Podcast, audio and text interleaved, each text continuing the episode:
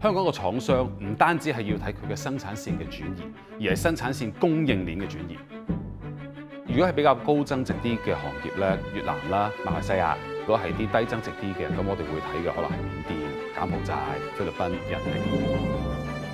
当我哋香港厂商做呢个生产阵地嘅转移，究竟佢哋会面对啲咩挑战呢？主要有两个大嘅范畴嘅，一个系外在嘅因素，一个系自己嘅执行嘅能力。你要成功地能夠執行到開到一家工廠嘅時候，好強嘅執行力都係好重要。